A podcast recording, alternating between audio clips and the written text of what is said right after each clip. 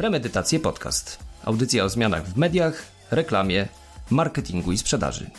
Rozmawiamy o rzeczach i tematach, które nas poruszają, które wpływają na otoczenie, zmieniają komunikację oraz przenikają światy offline i online.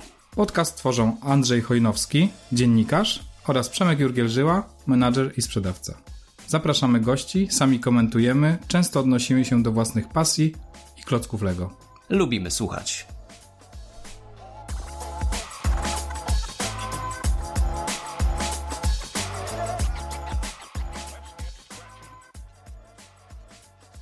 Dzień dobry Andrzeju. Dzień dobry Przemku. Dzisiaj się świątecznie spotykamy, ponieważ w momencie, kiedy nagrywamy ten podcast, to jesteśmy tuż przed świętami. Zwykle zdarza nam się to nagrywać pod koniec tygodnia, podcast, który wypuszczamy w niedzielę albo w poniedziałek. No ale wy, drodzy słuchacze, będziecie nas słyszeć e, w poniedziałek właśnie. No i y, dzisiaj przygotowaliśmy troszeczkę luźniejsze i krótsze tematy, więc mamy nadzieję, że w końcu short się uda zrobić jako short. I bym chyba zaczął od tego, że Andrzeju, ty lubisz Facebooka, let's go uwielbiasz. Co tydzień, jak nagrywamy, wracasz do Facebooka. Powiedz, co dzisiaj Facebook wymyślił. Wiesz co, przede wszystkim chciałbym powiedzieć, że trochę za dużo obiecaliśmy na początku, bo obiecaliśmy shorta. Historia dowodzi, że te shorty u nas zmieniają się w takie short longi, więc nie wiem, czy powinniśmy się trzymać tej deklaracji, że to będzie jakiś turbo short, no ale spróbujemy. Mamy dzisiaj kilka tematów do omówienia. Żaden z nich nie, nie wygląda mi na jakiś turbo short, ale dobra, spróbujemy to jakoś zebrać do kupy. Już myślę, że z tego wstępu już widzisz, już urwałem parę minut, więc po prostu sam dążę do tego, żeby ten, te shorty były jak najdłuższe. E, świąteczny podcast, no nie będziemy ani śpiewać żadnych piosenek, ani opowiadać żadnych historii świątecznych, natomiast spróbujemy zrobić jakiś taki szybki przegląd tego, co się dzieje na świecie. E, statek już popłynął sobie z kanału Suezkiego. Mój ulubiony, mój ulubiony operator koparki może wrócić do innych zajęć, przekopywania rowów melioracyjnych, czy cokolwiek tam robi. Nie stał się gwiazdą, niestety, wbrew moim oczekiwaniom, ale zapytałeś mnie o Facebooka, o którym wiem bardzo mało, ale chętnie na niego temat się wypowiadam. To jest cecha wszystkich słabych komentatorów. Jak się na czym się znają, to lubią o tym mówić, więc ja lubię mówić o Facebooku, ale rzeczywiście jest ciekawa bardzo informacja, o której warto wiedzieć, bo ona daje też mm, wyobrażenie o tym, jaka skala, jaką skalą, mm, jaką skalę działania ma ten podmiot i jakie się z tym wiążą konsekwencje. O co chodzi? Otóż Facebook kilka dni temu, to było dokładnie 22, to był 22 marca. Facebook oficjalnie poinformował o tym e, w komunikacie, że trwa wielkie, czy może się powoli kończy jakiś etap wielkiego sprzątania, które miało miejsce w ostatnim kwartale 2020 roku na Facebooku. I w wyniku tego sprzątania udało się wyłączyć, disable, czyli tak jakby no, zdezaktywować, nie wiem jak to przetłumaczyć na polski, bo nie usunąć, tak? Nie, jest, nie to słowo nie oznacza usunięcia, ale wyłączono ponad prawie półtora miliarda e, kont na Facebooku. Chwila ciszy, żeby to, ta liczba dobrze wsiąkła. Półtora miliarda kont. I jak ja tę informację słyszę, to zastanawiam się zaraz, zaraz, to ilu użytkowników ma Facebook tak naprawdę? Jeżeli usuwa półtora miliarda kont i nadal jest operacją, która ma, nie wiem, dwa miliardy użytkowników, to ile miał wcześniej? To ile ma tak naprawdę? Bo Facebook podaje pewne liczby dotyczące tego, jaka jest, ilu ma użytkowników, ale i teraz nie wiemy, czy zalicza do tego te fake konta, czy też nie czy jest w stanie w ogóle nad tym panować, bo z tego, co można przeczytać a propos tej operacji usuwania kont i w ogóle całej sytuacji, w której boty tworzą te konta versus ludzie tworzą fake konta, bo to są jakby dwie ścieżki, którymi te konta powstają, to właściwie jest to taka robota jak przesypywanie piachu na plaży.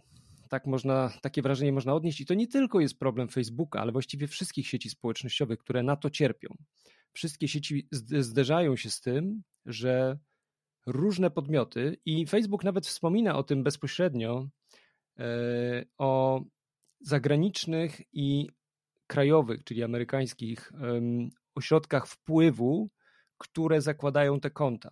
Czyli możemy wprost mówić, że Facebook jest pewnego rodzaju polem bitwy, czy jest pewnego rodzaju polem wojny informacyjnej, dezinformacyjnej, cyberwojny, którą toczą, jak rozumiem, tak rozumiem ten, to określenie zagraniczne ośrodki wpływu, toczą na Facebooku tak naprawdę nieustającą jakąś potyczkę o, mm, o prawo do dezinformacji nas wszystkich. Więc e, mam wrażenie, że Facebook tę bitwę, tę wojnę musi zawsze przegrać. I każda sieć społecznościowa musi zawsze przegrać, więc zastanawiam się nad taką rzeczą. Wiem, że to zabrzmi kretyńsko, ale powiem to, bo wydaje mi się, że po prostu pewne rzeczy trzeba sobie też jakoś zwizualizować, żeby się nad tym zastanowić. Czy Facebook tak naprawdę nie powinien być kontrolowany przez państwo, jeżeli chodzi o zawartość tego, co jest w tym serwisie, no bo mówimy o przestrzeni, która właściwie dla wielu osób staje się równorzędna tej takiej przestrzeni fizycznej, zwłaszcza w czasie pandemii, kiedy jest, mamy mniej czasu, czy mniej czasu spędzamy w przestrzeni fizycznej, w kontaktach z innymi ludźmi, w takiej prawdziwej przestrzeni, w której spotykamy się z, z innymi, dużo więcej w tej przestrzeni online'owej.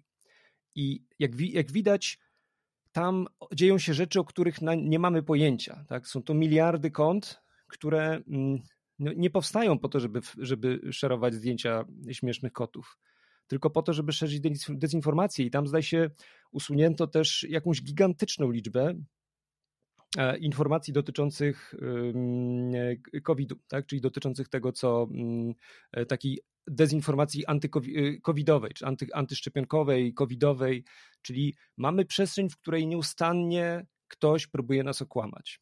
I firmę, która sobie z tym absolutnie nie radzi. Jak ktoś ma półtora miliarda fałszywych kont, to możemy powiedzieć, że sobie nie radzi ze skalą tego wszystkiego.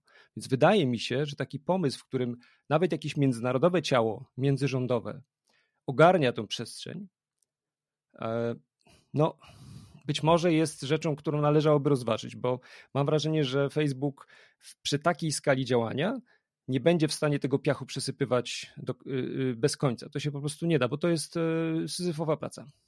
Nie, no jasne, tylko że wiesz, to teraz pytanie, czy te wszystkie konta to są też takie konta zakładane celowo, jako właśnie te dezinformacyjne.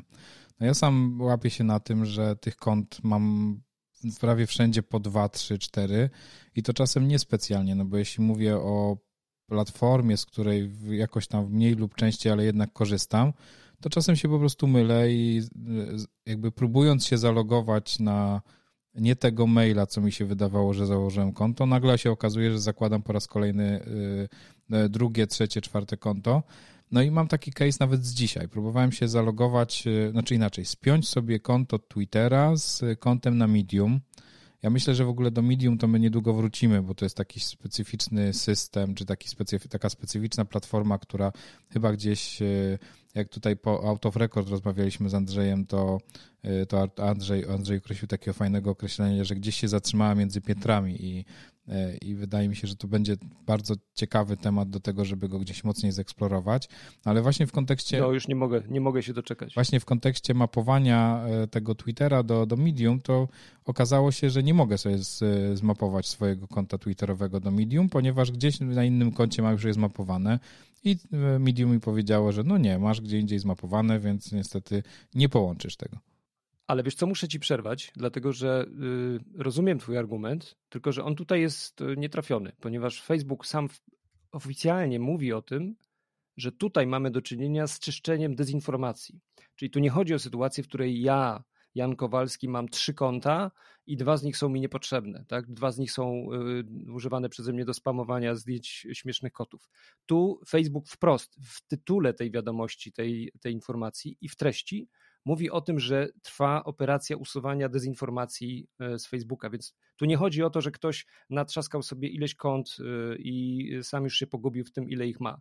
Tu mówimy o sytuacjach, w których po prostu te konta są zakładane w celu siania dezinformacji no, w naszych głowach, mówiąc wprost. No okej, okay, tylko że no bo wiesz, pytanie w jaki sposób, ja nie znam tych mechanizmów i myślę, że, znaczy chętnie bym je poznał też i może w końcu zaprosimy kogoś z Facebooka i nam je wytłumaczy, bo ja, ja ich nie rozumiem w kontekście takim, że w jaki sposób, e, no bo wiesz, jeśli mówimy tutaj o takich kontach, które są zakładane przez boty, to te konta nie generują jakiegoś wielkiego kontentu, w sensie, no to są jakieś takie rzeczywiście fejkowe e, konta i one, nie wiem, czy one mają jakąś wielką siłę. Wydaje mi się, że znowu z perspektywy tych algorytmów, to największą siłę mają te konta, które gdzieś tam jakoś mają historię aktywności i tym podobne, no chyba, że te boty e, generują tą aktywność na tych kontach fejkowych, to, to ja rozumiem, no bo też znowu z perspektywy takiego siania tej dezinformacji czy siania fake newsów, to, to w moim odczuciu najmocniejsze są te konta, które mają jakąś wyrobioną, może nie renomę,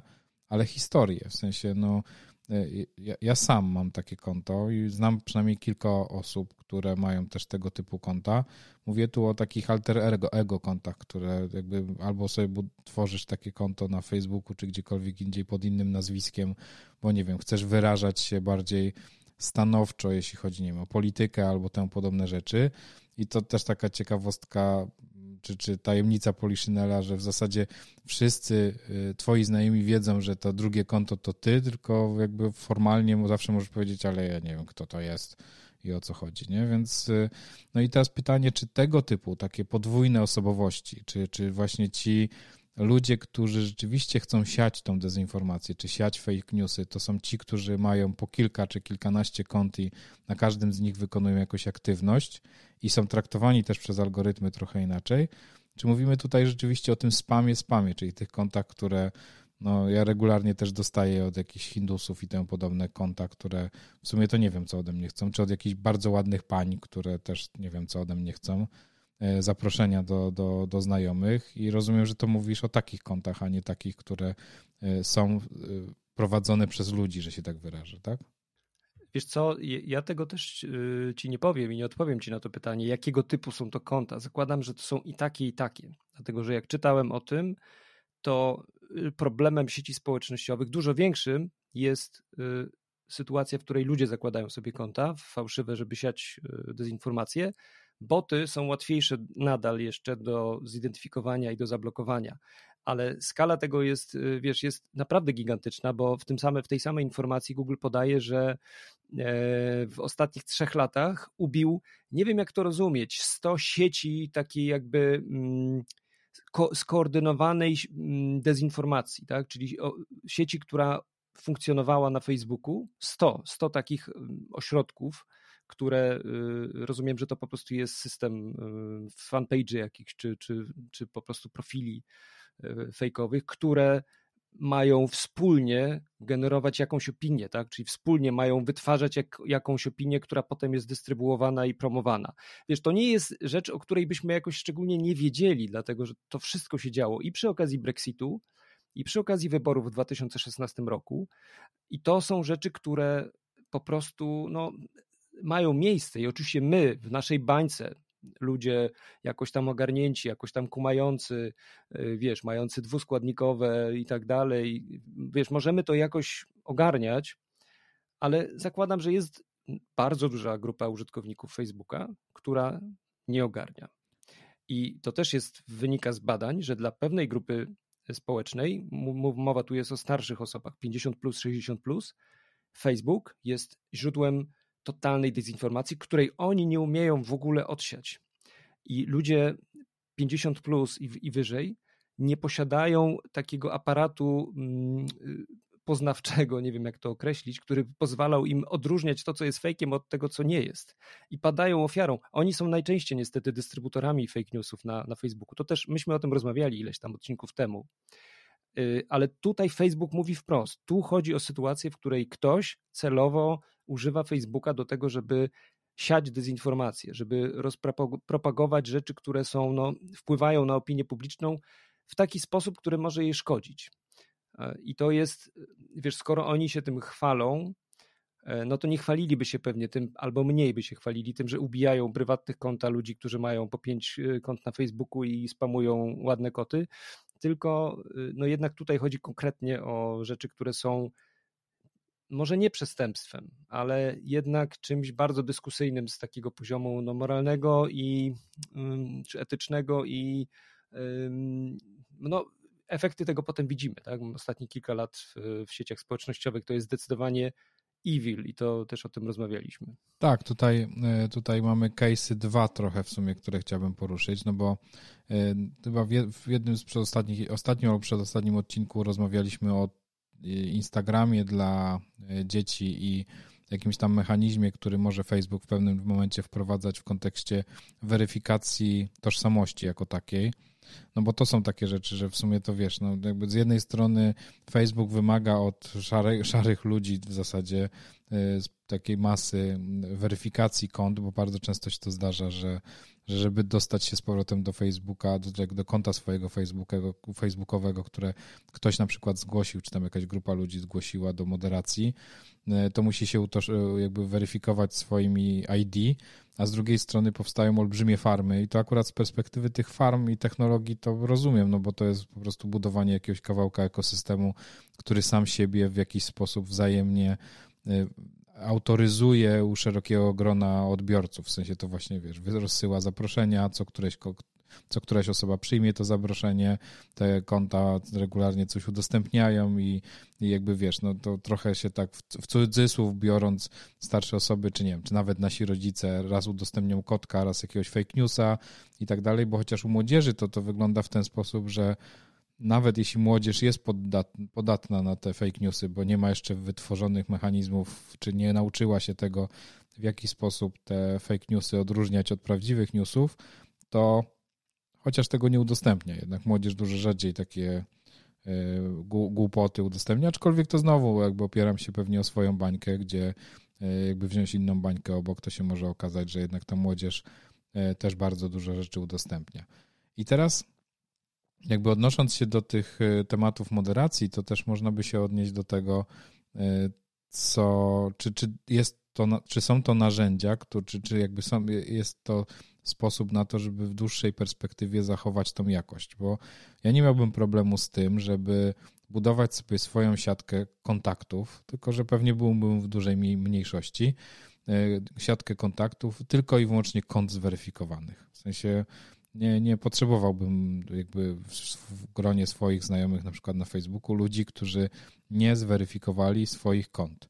Ale wiem, że to by mnie nie uchroniło przed tym, żebym dostawał jakieś fake newsy na, w cudzysłowie, na klatę, no bo co z tego, że ja bym miał swoich znajomych zweryfikowanych, jak no tutaj odnosząc się trochę do szczepień i tematu, który za moment poruszę, to znaczy y, big techów i ich biur, y, to by wszyscy musieli być zaszczepieni na tym Facebooku, czyli wszyscy mieć zweryfikowane konta, żeby te konta fejkowe nie miały szansy na to, żeby się przebić. No i myślę, że chyba to jest trudne do zrobienia i jeśli jakieś algorytmy nie zaczną tego w lepszy sposób ogarniać, e, no to jesteśmy skazani na porażkę na tym, w tym zakresie.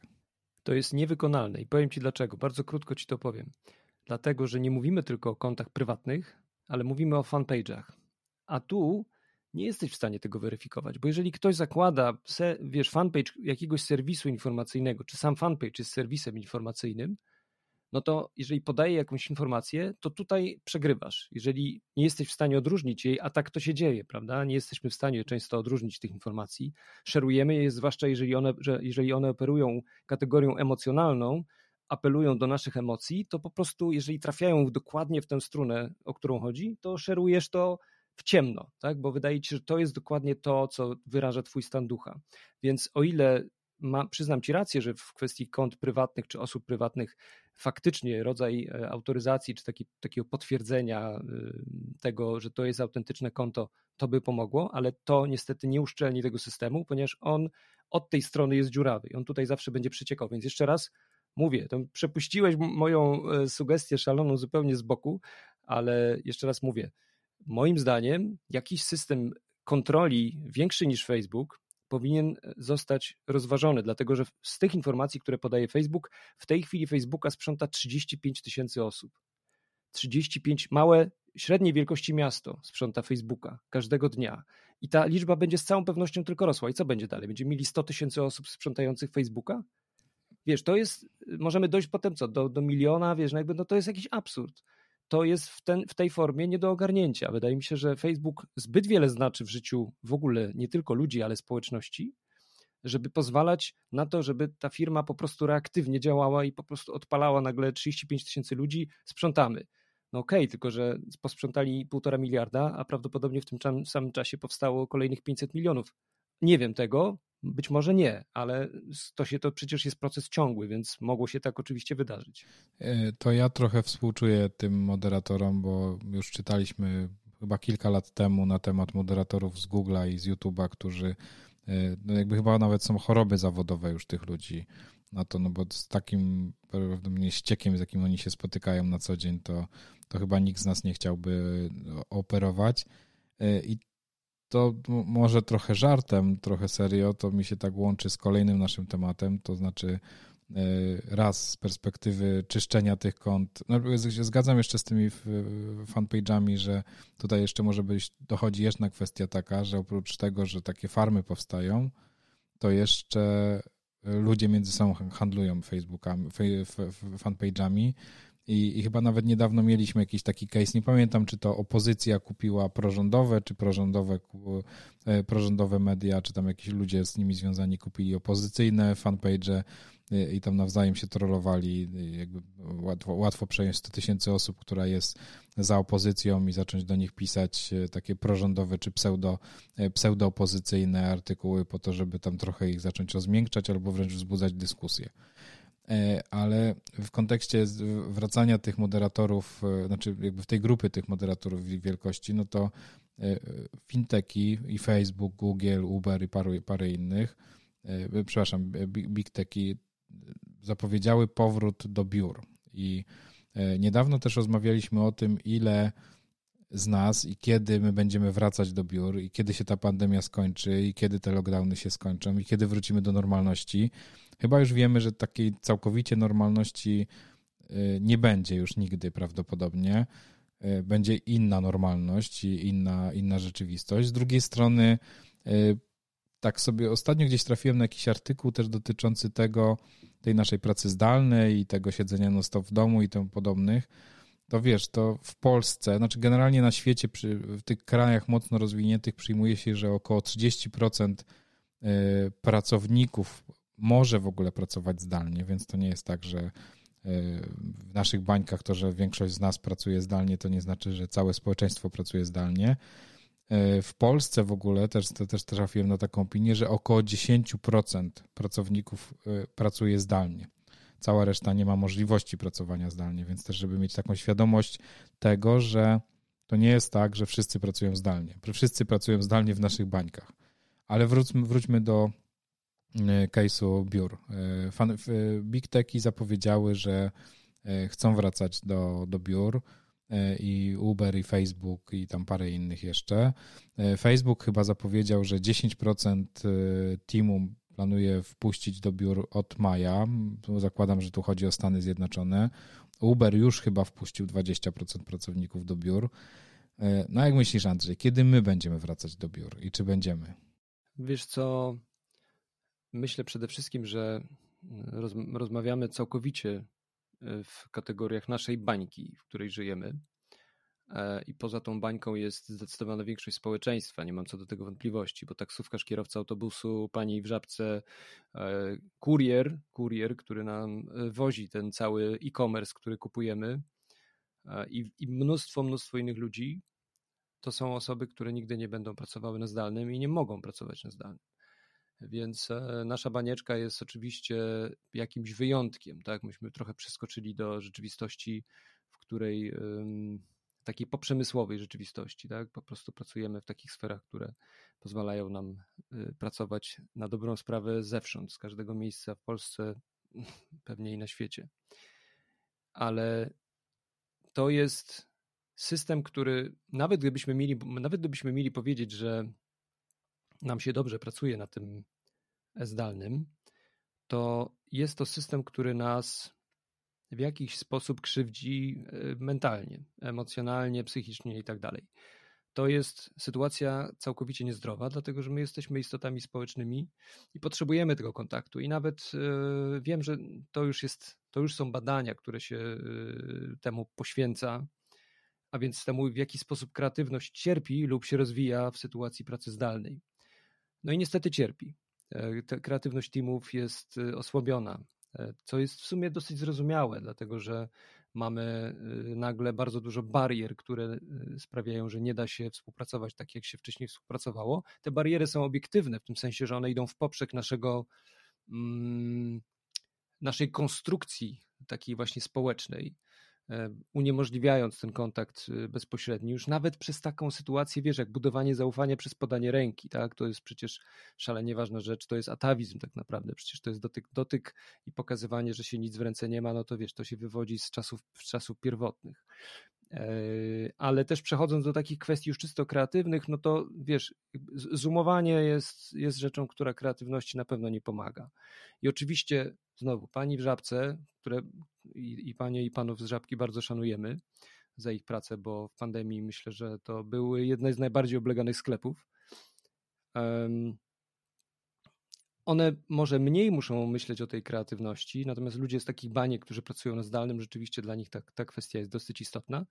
I wydaje mi się, że choćby z tego powodu jakiś system hybrydowy będzie e, potrzebny. To znaczy, ten powrót do biura będzie musiał nastąpić. Nie wyobrażam sobie, żeby tego mogło nie być, dlatego że to musiałoby zmienić całkowicie chyba formę w ogóle pracy ludzi. To znaczy, musielibyśmy się wszyscy przeistoczyć w jakieś jednostki. Inaczej, społeczeństwo musiałoby się przeistoczyć w jakieś takie bardzo zatomizowane, zatomizowany zbiór indywiduali, indywidualności, które ze sobą jakoś współpracują. Ta zmiana jest moim zdaniem niewykonalna.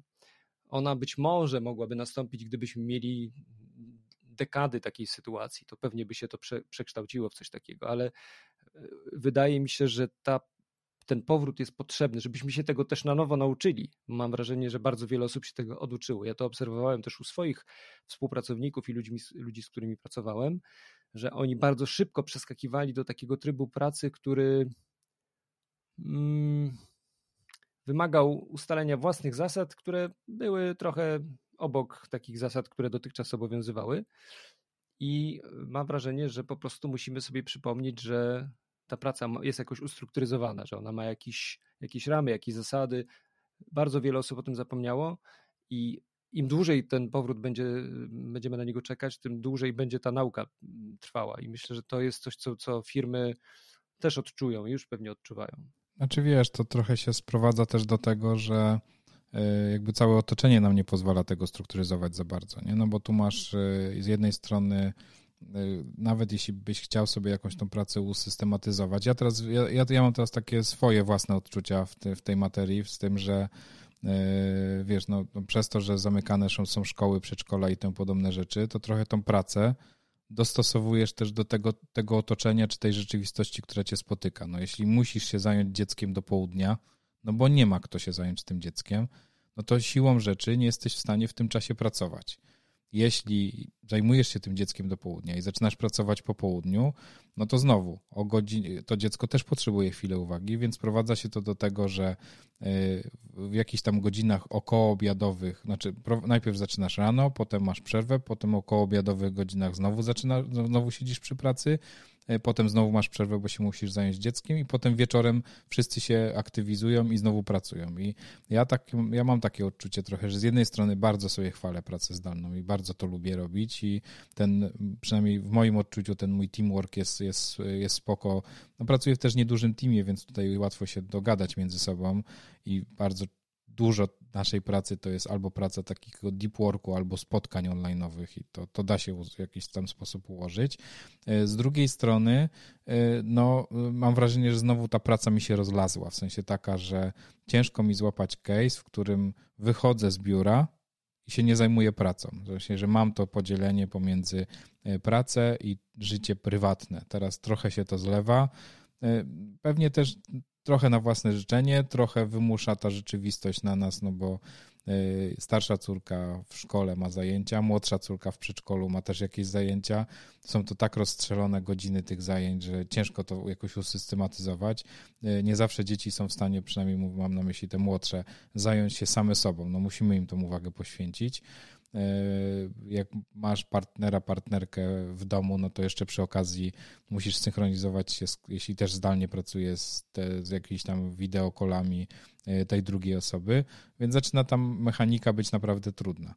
I ten powrót do biur na, tym, na tej płaszczyźnie też bym chciał, żeby on w jakimś stopniu się odbył, raczej bym nie chciał wrócić do tego, co mieliśmy kiedyś z perspektywy biur. Pewnie wolałbym jednak łączyć tą pracę z domem, z pracą z domu, bo, bo mnie to naprawdę odpowiada i teraz case, że młodsza córka nie ma przedszkola, a ja sobie mogłem wyjechać na wieś i siedzę na wsi, mam całkiem niezły internet i, i to, czy i mam cię 8 y, czy 10 kilometrów od siebie w Warszawie, czy siedzimy i razem nagrywamy, czy tak jak teraz mamy 500 kilometrów do siebie, to nie ma większego znaczenia. Po prostu włączamy wideo, nagrywamy, wszystko się dzieje tak, jak się działo y, przez ostatni rok de facto.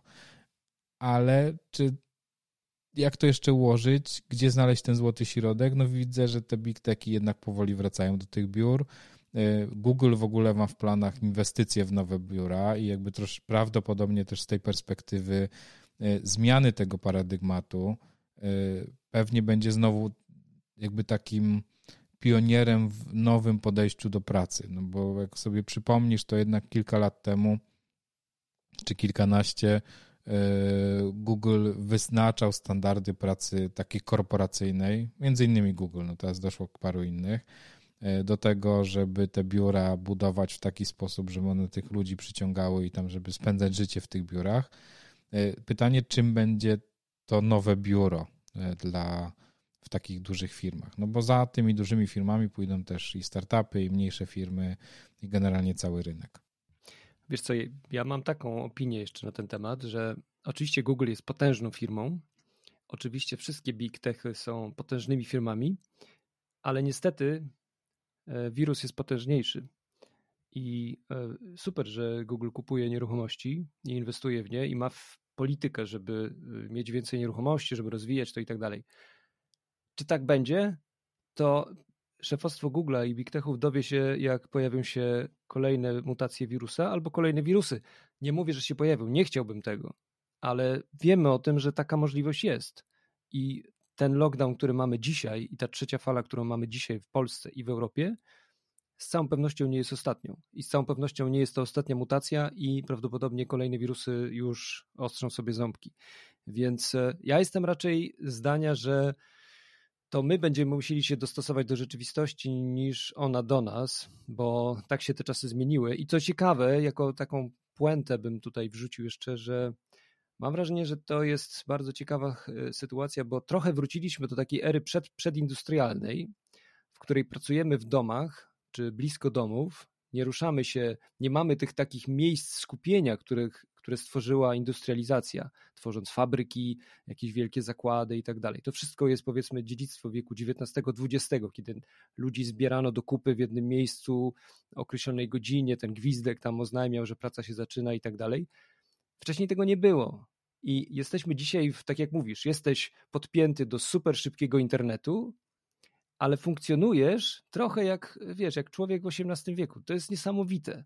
Jest to straszne, biorąc pod uwagę okoliczności, w jakich się znaleźliśmy, ale sama zmiana, która jest połączeniem starego i nowego, to jest coś, co jest po prostu niebywałe. I myślę, że ktoś już na pewno pisze o tym książki. Podejrzewam, że jest to e, nasz ulubieniec tutaj, czyli e, Harari i pewnie już jakąś wysmażył na ten temat książeczkę, więc trzeba będzie się rozglądać. Ja się tylko, w, ja się tylko wtrącę w kontekście tego, że to my się będziemy musieli dostosować do sytuacji, ponieważ y, bardzo lubię powtarzać tą historię o tym, jak kolumny rządowe jeżdżą po Polsce i mają czasem wypadki, to jest tak, że to mm, E, to nie e, kolumna nie dostosowała prędkości do sytuacji, tylko sytuacja nie dostosowała się do kolumny rządowej. E, ale to taka dygresja, bo bardzo lubię ten, ten przykład podawać regularnie jako kwestia, kto do kogo Good powinien point. się dostosować. Good point. Dobra, lecimy z trzecim tematem, bo rzeczywiście mamy jeszcze trzeci temat. Właściwie tematów mamy dużo, ale spróbujemy się zamknąć dzisiaj w trzech, bo trójka to ładna liczba, lubimy nieparzyste. I się mieszczą w tytule odcinka. Fanem, to prawda. Chociaż jestem fanem symetrii, ale niech ci będzie, niech będą trzy. Więc trzeci temat, który jest zupełnie z innej bajki, ale warto o nim powiedzieć, bo też jest w trendach i o tym jest też blisko tego, czym my się zajmowaliśmy tutaj w ostatnich odcinkach, a więc Clubhouse, ale już nie tylko Clubhouse, co cała kategoria, patrz jak to się szybko rodzi, kategoria social, social audio, live social audio. To jest pojęcie, o którym jeszcze w grudniu ubiegłego roku pewnie prawie nikt nie słyszał. o kategorii live social audio. W tej chwili to jest najgorętsza kategoria, podejrzewam, jaka może być, jeżeli chodzi o rozwój e, społecznościówek przynajmniej, tak? I, i w ogóle takich przedsięwzięć online'owych. No bo z jednej strony mamy Clubhouse'a, który jest e, ze wsparciem podejrzewam, że najpotężniejszego e, funduszu, czyli Andreessen Horowitz, to jest, to są no to, są, to jest dwóch królów Midasów, można by tak powiedzieć, jeżeli chodzi o Dolinę Krzemową. Ludzie, którzy rzeczywiście całkiem spory stoją fundusz, za najpotęż... tak, całkiem spory tak, fundusz. stoją za najpotężniejszymi. Zresztą nie będziemy chyba tłumaczyć, bo podejrzewam, że wiele osób wie, a też możemy w ogóle osobny odcinek zrobić o, o tym funduszu i o tym, co e, jak oni nam pozmieniali rzeczywistość, bo to, to, to faktycznie jest tak, że tych dwóch panów, czyli Mark Andreessen i jego partner, biznesowy, no to jest y, mm, ekipa, która po prostu w ostatnich 20 latach nam e, poustawiała wszystko na nowo. Ale y, dlaczego o, nim, dlaczego o nich wspomniałem? No bo oni są inwestorami w Clubhouse, ale teraz okazuje się, że ten social life audio to jest coś, co grzeje absolutnie wszystkich i w tej chwili nawet Spotify nawet Spotify wchodzi w. Um, mówię nawet, dlatego że właściwie każda społecznościówka dzisiaj rozmawia o tym, że będziemy o tym opowiadali przy okazji Twittera, że Twitter też kombinuje z jakimiś takimi social live audio. E, a teraz wiemy, że już nie tyle kombinuje, co już działa konkretnie e, właśnie Spotify, który kupił firmę tworzącą tego typu rozwiązania firmę, która stoi za y, taką socialową apką, która się nazywa Locker Room i jest y, takim social life audio poświęconym sportowi. I e, nie wiem, czy to oznacza, że y, ona się już tylko od tej pory będzie zajmować czymś jeszcze oprócz sportu, czy rzeczywiście będzie ten fokus na sport, ale wiesz, pomyśl sobie o tym, to jest niesamowite. Ja miałem taką myśl już jakiś czas temu, że Clubhouse i sport to jest absolutna przestrzeń do totalnego wykorzystania. To jest fenomenalna fenomenalny obszar, który można zasiedlić i rzeczywiście przenieść sport na kompletnie, oglądanie, konsumowanie sportu na kompletnie inny poziom. Masz na myśli, masz na myśli relacje live y, z wydarzeń albo sportowych? dokładnie. Dokładnie, albo relacje, albo to, co, co, daje ci y, Clubhouse, czyli takie spłaszczenie struktury, że nawet, że nagle po prostu na Clubhouse'ie Robert Lewandowski może sobie otworzyć swój pokój i ty możesz do tego pokoju wejść, posłuchać sobie lewego, posłuchać sobie jakiegoś y, zawodnika z tej drużyny, z tamtej drużyny, jakiegoś kierowcę F1, a potem jeszcze posłuchać ludzi, którzy się na tym znają albo są takimi samymi fanami jak ty. I ten świat, wiesz, mało takich jest tematów, które tak ludzi grzeją jak sport. Może poza polityką. Więc y, myślę, że to jest absolutnie y, żyła złota i sam fakt, że, y, że to robi Spotify, że inwestuje w firmę, która właśnie się zajmuje aplikacjami sportowymi, czy takim social life audio sportowym, pokazuje, że ten rynek jest naprawdę mega, mega gorący. I myślę, że wszyscy będą mm, dłubać bardzo mocno przy tej formule social audio. Jest ciekawe, to jest, to jest ciekawa rzecz. Nie wiem, czy dzisiaj to dźwigniemy. Myślę, że nie, bo mamy mało czasu, ale zastanawiam się, na ile, mm, na ile okaże się za parę lat, że Clubhouse jak powiedział kiedyś e, Steve Jobs, kiedy założyciele Dropboxa przyszli do niego e, pokazać mu swoje rozwiązanie, i on powiedział: It's not a product, it's a feature. E, I po prostu kazał im sobie pójść, mówiąc wprost, bo uznał, że ten produkt to nie jest produkt, tylko to jest po prostu coś, co dzisiaj widzimy jako iCloud, tak? To, akurat w Apple, to jest, na... w Apple to jest tak, że no to jest de facto jakby część systemu prawie, że nie? W sensie możesz sobie kupić... Ale to jest feature systemowy. Tak, możesz sobie dokładnie, kupić małego iPada i dokładnie. mieć całą pamięć dokładnie. na zewnątrz, no dokładnie. Dokładnie. E, więc mówię o tym dlatego, że zastanawiam się, czy za parę lat nie będzie tak z Clubhouse'em, że po prostu będzie to urządzenie czy rozwiązanie, które wyznaczyło trend, ale samo gdzieś, gdzieś polegnie, gdzieś zostanie w tyle ze wszystkimi, bo Dropbox trochę został w tyle. Podejrzewam, że ty masz konto na Dropboxie, ja też miewam je, ale nie jest to jakimś, jakieś konto, które bym. No nie jest to usługa pierwszej potrzeby w chwili obecnej, bo już Dokładnie. i Google i, I Apple zastanawiam się, dostarczają swoje. Dokładnie. I zastanawiam się, czy Clubhouse nie, nie, nie podzieli tego losu Dropboxa i czy nie okaże się, że Clubhouse it's a feature, it's not a product.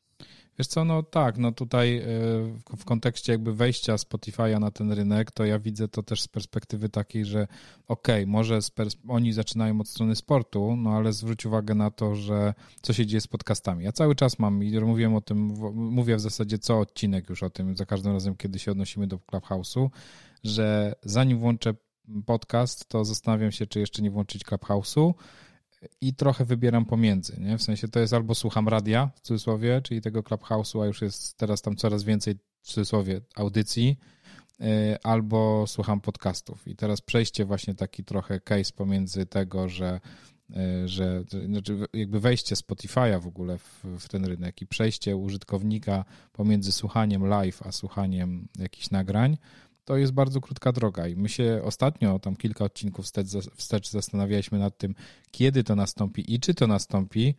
E, I ja szczerze jestem zaskoczony, że nastąpiło tak szybko, bo właśnie to następuje. A my cały czas we dwóch zapowiadamy, że w końcu się pojawimy e, z nagraniem naszego podcastu live na, na Clubhouse'ie E, cały czas, cały, no nie udało nam się 20, dzisiaj 20 odcinek, nie udało nam się zrobić tego w 20 odcinku, więc może w 25, żeby było jakoś tak okrągło, rocznicowo, czy jakby mm, jakoś to uczcić, może w 24, to zależy jakiego e, standardu numeracyjnego się będziemy przyjmować, więc tak czy inaczej pewnie tam się pojawimy wcześniej czy później. E, mamy szansę na to, żeby jednak być w tej pierwszej fali albo półtora fali startowej, gdzie to dopiero się zaczyna tworzyć, bo jak wszyscy wiemy, podcasty istnieją od wielu, wielu lat, ale dopiero wybuchły pojedyncze lata temu. Tak myślę, że z perspektywy tego y, live, audio, social media, to jeszcze dużo przed nami i to w jaki sposób się to poukłada, y, to nic tylko obserwować tych największych i patrzeć, jak będą podejmować decyzje, bo znowu tu chyba trochę podejmują te decyzje bardziej na czuja niż biznesowo, e, no bo w jaki sposób podejmować e, biznesowo decyzje do rozwiązań, które się dopiero tworzą. No, jakby to, że na Clubhouse jest tam kilkanaście milionów użytkowników pewnie teraz. Ostatnio mówiliśmy, że to było 10 milionów. No zakładam, że im tam tygodniowo przyrasta dość sporo, e, bo też widzę po aplikacji, jak szybko już wpadają nowe zaproszenia i do, jakby się odnawiają i tak dalej. No to z tej perspektywy to na razie takie działanie tych największych to jest trochę działanie na czuja. Po pierwsze, dlatego, że mogą kupić taniej tego typu podmioty, no bo jeszcze jest fala wschodząca, a nie już rozwinięty rynek. A po drugie, że no kto pierwszy w cudzysłowie, za dużo dzisiaj tego cudzysłowia używam, ale to dobre określenie, obsika teren, ten ma szansę e, coś więcej wygrać na, na tym rynku. Andrzeju, czy to dobry moment na to, żeby nasz short w końcu był 15 minut krótszy niż dotychczasowe, czyli poniżej 15 minut poniżej godziny. Słuchaj, możemy przyjąć, że to jest ten moment i ta kropka, którą postawiłeś, to jest ta ostatnia kropka, która dzisiaj wybrzmi w tym, e, w tym podcaście. Jedna tylko uwaga, czy jedna, jedno spostrzeżenie, bardzo mądre, więc muszę się z nim, muszę się nim podzielić.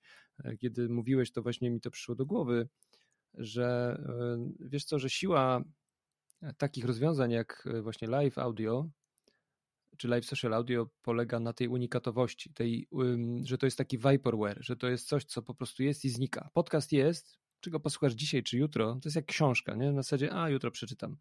Tutaj jest ten czynnik i to jest uzależniające. I myślę, że to jest ta siła, którą widzą fundusze i w ogóle ludzie, którzy inwestują w tego typu podmioty, czy je rozwijają. Że siła polega na tym, że to jest teraz, a potem znika, nie? Że to jest taki, że to jest um, coś, co sprawia, że wiesz, że jak teraz nie posłuchasz, to tego już nie będzie.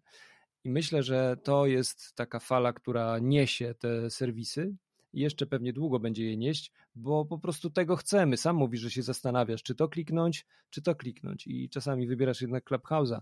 To jest właśnie to i myślę, że ta siła jest e, ogromna i zaczynamy ją dopiero odkrywać, a pewnie ludzie, którzy inwestują w takie podmioty już, już to wykminili i oni, oni wiedzą, dlaczego inwestują. Mówi, że na czuje, ale moim zdaniem wiedzą, że ta, e, ten element tutaj jest szalenie ważny, bo to jest trochę jak storiesy na Instagramie na przykład, tak? Jakby są i stały się w ogóle głównym narzędziem komunikacji między ludźmi na, na Instagramie.